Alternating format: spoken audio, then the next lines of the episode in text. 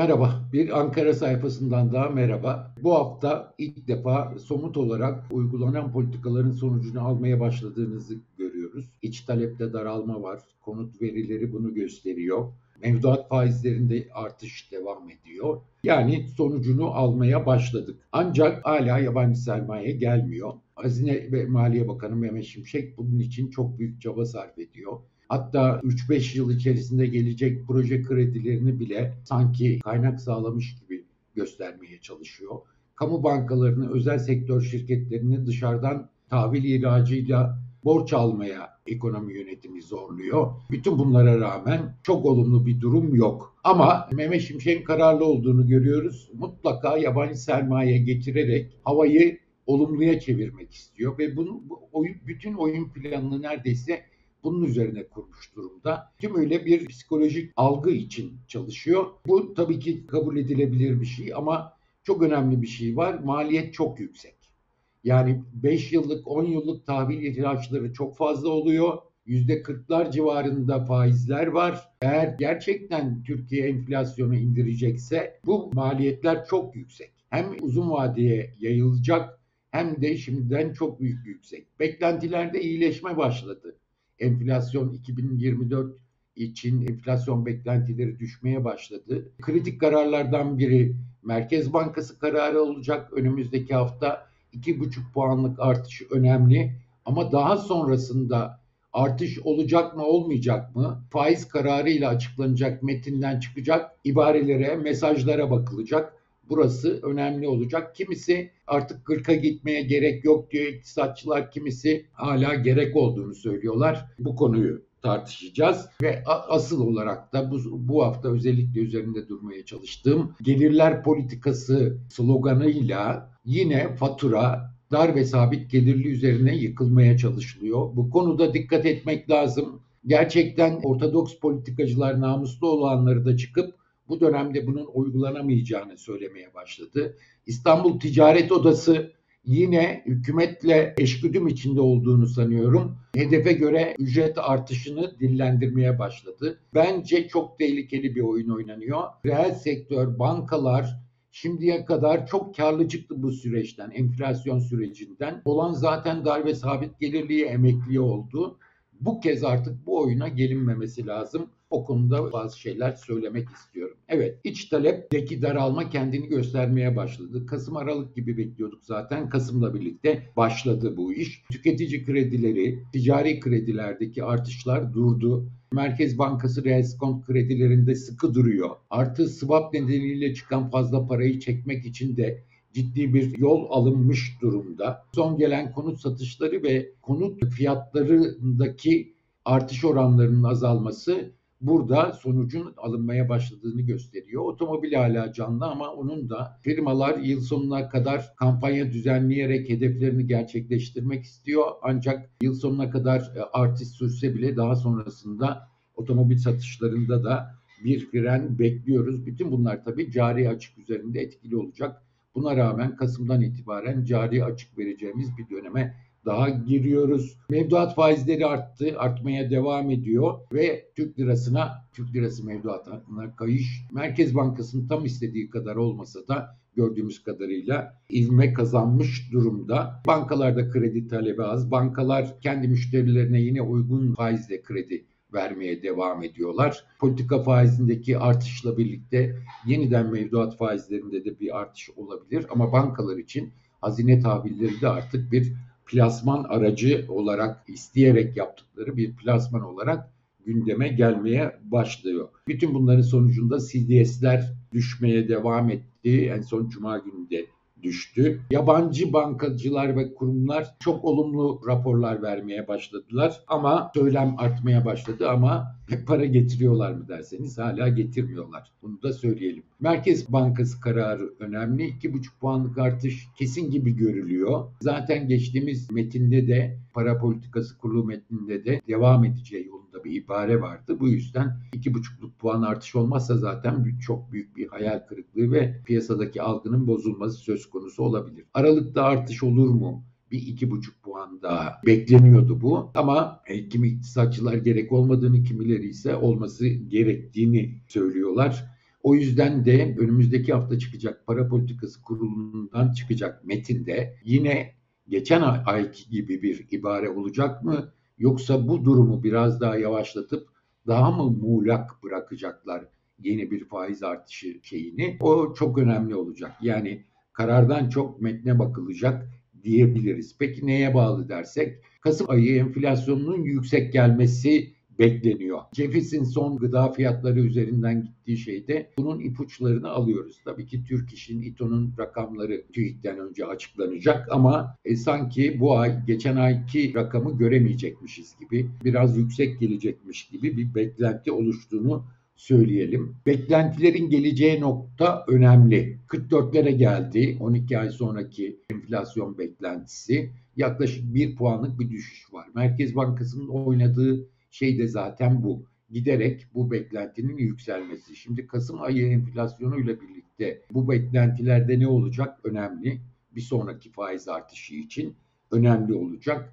Bu arada yabancı girişi olacak mı? Bu da önemli olacak. Çünkü çok fazla bastırıyor Mehmet Şimşek bu durum için. Mehmet Şimşek bütün oyun planını yabancı sermaye üzerine kurmuştu da. Baştan beri böyleydi. Baştan beri hep tartışmalı olan bazı iktisatçılar Mehmet Şimşek'in çok fazla destek verdiğimi söylüyorlar. Politikalarla ilgili benim şeyim. Doğrunun yapılmasıyla ilgili. Ama Mehmet Şimşek'in bu, burada da söyledim daha önce. Daha seçimden sonraki yüksek kur artışları, bence yadırgatıcıydı. Faizlerle ilgili kararlar yine yadırgatıcıydı. Ama sonunda bir yola girilmiş görünüyor. Ama maliyeti büyülten kararlardı bunlar çok açıkçası. Vergi kararları aynı biçimde. Yani bütçenin çok kötü olacağı yolunda bir propaganda yapıldı. Hepimiz söyledik, raporları açıkladık. Ama bunun üzerine oluşan bu hava üzerine çok büyük vergi artışları geldi. Yeniden kur artışları geldi. E, ve bütün bunlar maliyeti çok yükseltti. Hep söylüyoruz %25-30'larda faizle yetinmek mümkünken şimdi 40'lara kadar çıkmış durumda beklenti. Rezervler konusunda sanıyorum Mehmet Şimşek'in de büyük bir tedirginliği var. Rezervler yatay seyrediyor. Yani ama bizim swap hariç kamu dahil yaptığımız net rezerv rakamı eksi 65 civarında seyrediyor. Geçtiğimiz hafta da böyleydi. E, brüt rezervlerde artış olacak. 2,5 milyar dolarlık hazinenin kasasına girdi. Ama bu net rezervleri etkilemiyor. Başka paralar da girdi. Bu brüt rezervler bu haftaya, önümüzdeki haftanın brüt rezerv rakamları yüksek çıkacak. Daha doğrusu geçtiğimiz haftanın e, önümüzdeki hafta açıklanacak rakamlar yüksek çıkacak ama net rezervlerde yatay bir seyir var. İhracat dövizlerinin hepsi yeniden satışa gidiyor onu söyleyelim kurları tutabilmek için satışa gidiyor. Ve acaba 2,5 puanın üzerine aylık artışları çıkarır mı diyorduk. 2,5 puanda gidiyor gibi gözüküyorlar açıkçası. Çok fazla çıkmasına izin vermiyorlar kurların yükselmesine. Yabancılar istemesine rağmen burada sıkı duruyorlar. Çünkü enflasyon beklentilerini geri çekmek zorundalar. Ki bunda da yol almaya başladılar. Mehmet Şimşek'in yabancı sermaye ille de istemesinin bir nedeninin şahsi kanaatim şu. Erdoğan'a bu politikaların sonuç aldığını somut olarak göstermek istiyor ve şunu istiyor. Seçimden sonra daha radikal biçimde uygulanacak yeni bir program için bakın bu yola girdik. Bunları da yaparsak bu iş düzelir diyebilmek için kendine bir zemin hazırlıyor benim gördüğüm kadarıyla. Bir yöntem belki makul karşılanabilecek bir yöntem yine bu havayı verebilmek ve bu arada da işte Mayıs öncesindeki gibi bu döviz rezervlerinin eksi 75 milyar dolara kadar inmesini de istemiyor. Bu yüzden kamu bankalarını devreye soktular, özel sektör bazı kuruluşlarını devreye soktular. Herkes yurt dışından borçlanıyor ve gelip burada döviz likiditesini arttırmaya içeride çalışıyorlar ama Merkez Bankası'nın rezervleri olarak baktığımızda çok fazla bir şey yok. Dediğim gibi uygun bir yöntem olabilir ama maliyeti çok ağır. Gerçekten çok ağır çünkü özellikle yabancı bankalar tabile gelebileceklerini söylemeye başladılar. Bunun en büyük nedeni 5 yıllık, 10 yıllık uzun vadeli ve o döneme göre eğer enflasyon düşecekse 5 yıllık, 10 yıllık tahvil ihraçlarının bu kadar fazla olmasına gerek yok. 2001'deki önemli krizler ve büyük reformlardan sonra ekonomi yönetimi o dönemde 2010'lara doğru ancak 10 yıllık tahvil ihracına başlamıştı. Oradaki sebep şuydu. Ben 10 yıllık tahvili yüksek faizden satışa sunduğum an ben enflasyonu düşürdüğümde bunun maliyeti çok yüksek olacak. Çok yüksek karlar elde edecekler ve bu maliyet hazineden çıkacak. Bu yüzden de uzun vadeli tahvilleri çok tercih etmemişlerdi. Ama Mehmet Şimşek bunları tercih ediyor. Çünkü bir an önce uzun vadeli karını görüp yabancıların gelmesini bekliyor. Yabancılar da çok iyi yoldasınız diyor. Ama çok fazla somut bir giriş yok. Son Deutsche Bank'ın bölgeyle ilgili araştırma müdürünün BKT'de bir şeyi vardı, konuşması vardı. Biz temkinli olmaya devam edeceğiz. Bu Türkiye için 100 metre koşusuz değil, maraton koşusudur. Biz temkinli olmaya devam edeceğiz. Asıl karlı olan dönem bu gidişat devam ederse 2024'ün ikinci yarısı olur diyor. Benim anladığım kadarıyla da Mehmet Şimşek en geç Ocak ayından itibaren bu girişlerin hızlanmasını bekliyor. Mehmet Şimşek bunu yabancı sermaye getirdiği zaman tabii ki enflasyonla mücadelenin mücadele için gereken acı reçetenin biraz yumuşayacağını görüyor. Belki de bunun için istiyor ama maliyet çok. Gerçekten bunun altını özellikle çizmek lazım. Eğer enflasyon 2027'de tek haneye inecekse 10 yıl boyunca %35-40 faiz vereceğiz biz. Yani bu hazineden ve çok uzun vadeli ve maliyeti çok yüksek bir yük olacak açıkçası. Bunu özellikle söylemek lazım ve çok daha dikkatli gitmek gerektiğini düşünüyorum ileriye dönük olarak. Burada artık en önemli sorun yani enflasyonla mücadele kararları etkisini göstermeye başladı. Yıl başında bir miktar gevşeme olacak ama asıl daha sonra zaten hep Şimşek'in de dediği gibi ikinci yarısında asıl enflasyonla dezenflasyon politikası başlayacak diyor aslında görülmeye başladı dezenflasyonun sonuçları açıkçası ve sert görülüyor. Faizlerin de artmasıyla sert görülüyor. Buradaki en önemli sorun bu fatura kime çıkacak? Enflasyonla mücadele daha da ağırlaşacak. Geçmişten gelen bir yük var. Onlar ödenecek. Artı yeni kararlar alınacak. Onlar ödenecek. Bunun faturası kime çıkacak? E şimdi İTO İstanbul Ticaret Odası son dönemde hükümetle organize biçimde uygulanacak politikalar için bir ön hazırlık yapmaya başlıyor. Demeçler veriliyor. Yine yaptılar geçtiğimiz hafta. Önümüzdeki yıl hedef enflasyona bağlı ücret artışlarıyla kalmak zorundayız. Yoksa bizim maliyetlerimiz çok artar diye konuşmaya başladılar. Zaten Mehmet Şimşek bunu sürekli söylüyor. Gelirler politikasını söylüyor. E, son haftada yine ortada piyasada dolandırılan laflara göre yıl başında tek zam yapılıp bütün yıl boyunca ara zammın verilmemesi ücretliye, emekliye bunun yapılmaması. Şimdi bu gelinen noktada sadece hedef enflasyona göre ücret zammı bence fakirleşmenin iyice dibine vurdurmak olur. Ve faturayı yine bu kesimlere yüklemek olur. Geçtiğimiz dönemde bütçeyi gelirlerini arttıracağız diye alınan vergi artışları, kur artışları hepsi büyük bir ölçüde darbe sabit gelirlinin hatta emekliye zam yapmayarak onların üstüne yüklendi. Ve bu arada da Mehmet Şimşek sürekli olarak ikramiyede olduğu gibi kısıtlamaya çalıştı. Ama bu çok geniş toplumsal kesimlerin artık bıçak kemiğe dayandığını görülmesi lazım. Bunu bir kere söyleyelim.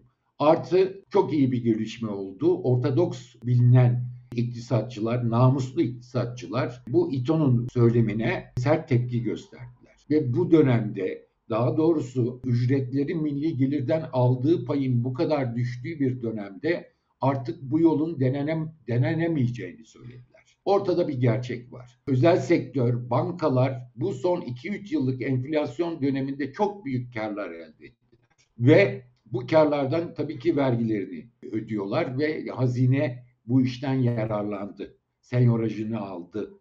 Bütün bunları aldı. Bir tek dar ve sabit gelirliğe çıktı fatura.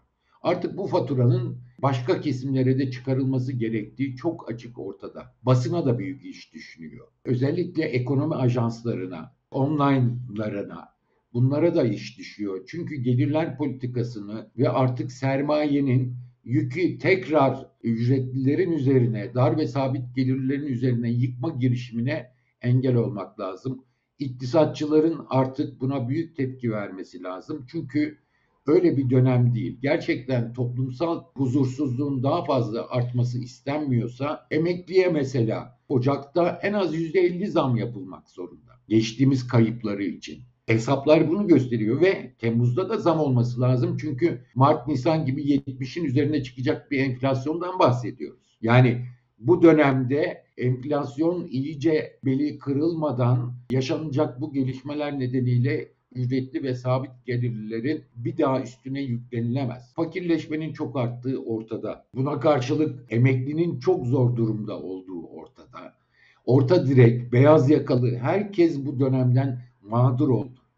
Orta sınıf kalmadı. Bütün bunların yeniden inşası gerekiyor. Toplumsal rahatsızlığı önlemek için de bunlar gerekiyor. Kimse unutmamalı. Yargı krizi çıkarıldı durup dururken. İki yönlü bu konuyla alakası var. Bir, yargıda bireysel hakların korunmasını frenlemek istenmesi var bu yargı kriziyle. Bir de bence Ocak'ta yapılması muhtemel düşük zamları gürültüye getirme şeyi de var. Bütün bunları düşünmek lazım. Yani zora girecek kesimlerin şikayetini başka şeyle oyalamak için de bütün bunlar yapılıyor olabilir. Merkez Bankası finans raporunda çok açık söylüyor. Reel kesim ve bankaların dezenflasyon sürecinde hem sermaye yapıları açısından hem finansman koşulları açısından fazla zorluk çekmeyeceğini, hane halkının maliyetinin yükseleceğini söylüyor. Bu durum çok açık, artık görünüyor. O yüzden de daha fazla üzerine yıkılmaması lazım dar ve sabit gelirlinin. Yani bu bununla ilgili bir sürü şey ortaya çıkmaya başladı. O zaman şu da denebiliyor. Bütün tüccarlara, İstanbul Ticaret Odası'nın temsil ettiği bütün tüccarlara geçmişte enflasyondan fazla zam yaptıysanız onları geri alın. Ya da ücretlere hedef enflasyon kadar zam yapacaksanız siz de ürünlerinize bunun üzerinde zam yapmayın. Böyle bir kısıtı koyalım o zaman. Yani sadece emeğin ucuzlatarak çok kolay bir yol. Çok yamyamca bir yol artık bu çağda. Hele de Türkiye'deki bu durumda çok yamyamca bir yol. Yani sermaye kesiminin de artık eski klasikleşmiş şeylerini bırakması lazım. Ve Mehmet Şimşek konusunda da söylemek lazım. Mehmet Şimşek büyük tepki çekiyor bu tavrıyla ve İstanbul Ticaret Odası ile birlikte organize bir çalışma içerisinde olup olmadığı konuşuluyor. Bir kampanya yeniden yapmak istedikleri bütçedeki vergi artışlarında olduğu gibi isteniyor. Bütün bunlara dikkat edilmesi lazım. Mehmet Şimşek'e de dikkat etmesi lazım. Tamam ama sermaye kesimine artık bu maliyetin dar ve sabit gelirli yerine sermaye kesimine de dağıtılması lazım. Yani servet vergisinden bahsetmesek de karlar üzerinde büyük karlar elde edildi. Bunlar üzerinden faturanın bir miktar daha o tarafa yüklenmesi gerektiği açık. Tekrar görüşmek üzere haftaya. Hoşçakalın.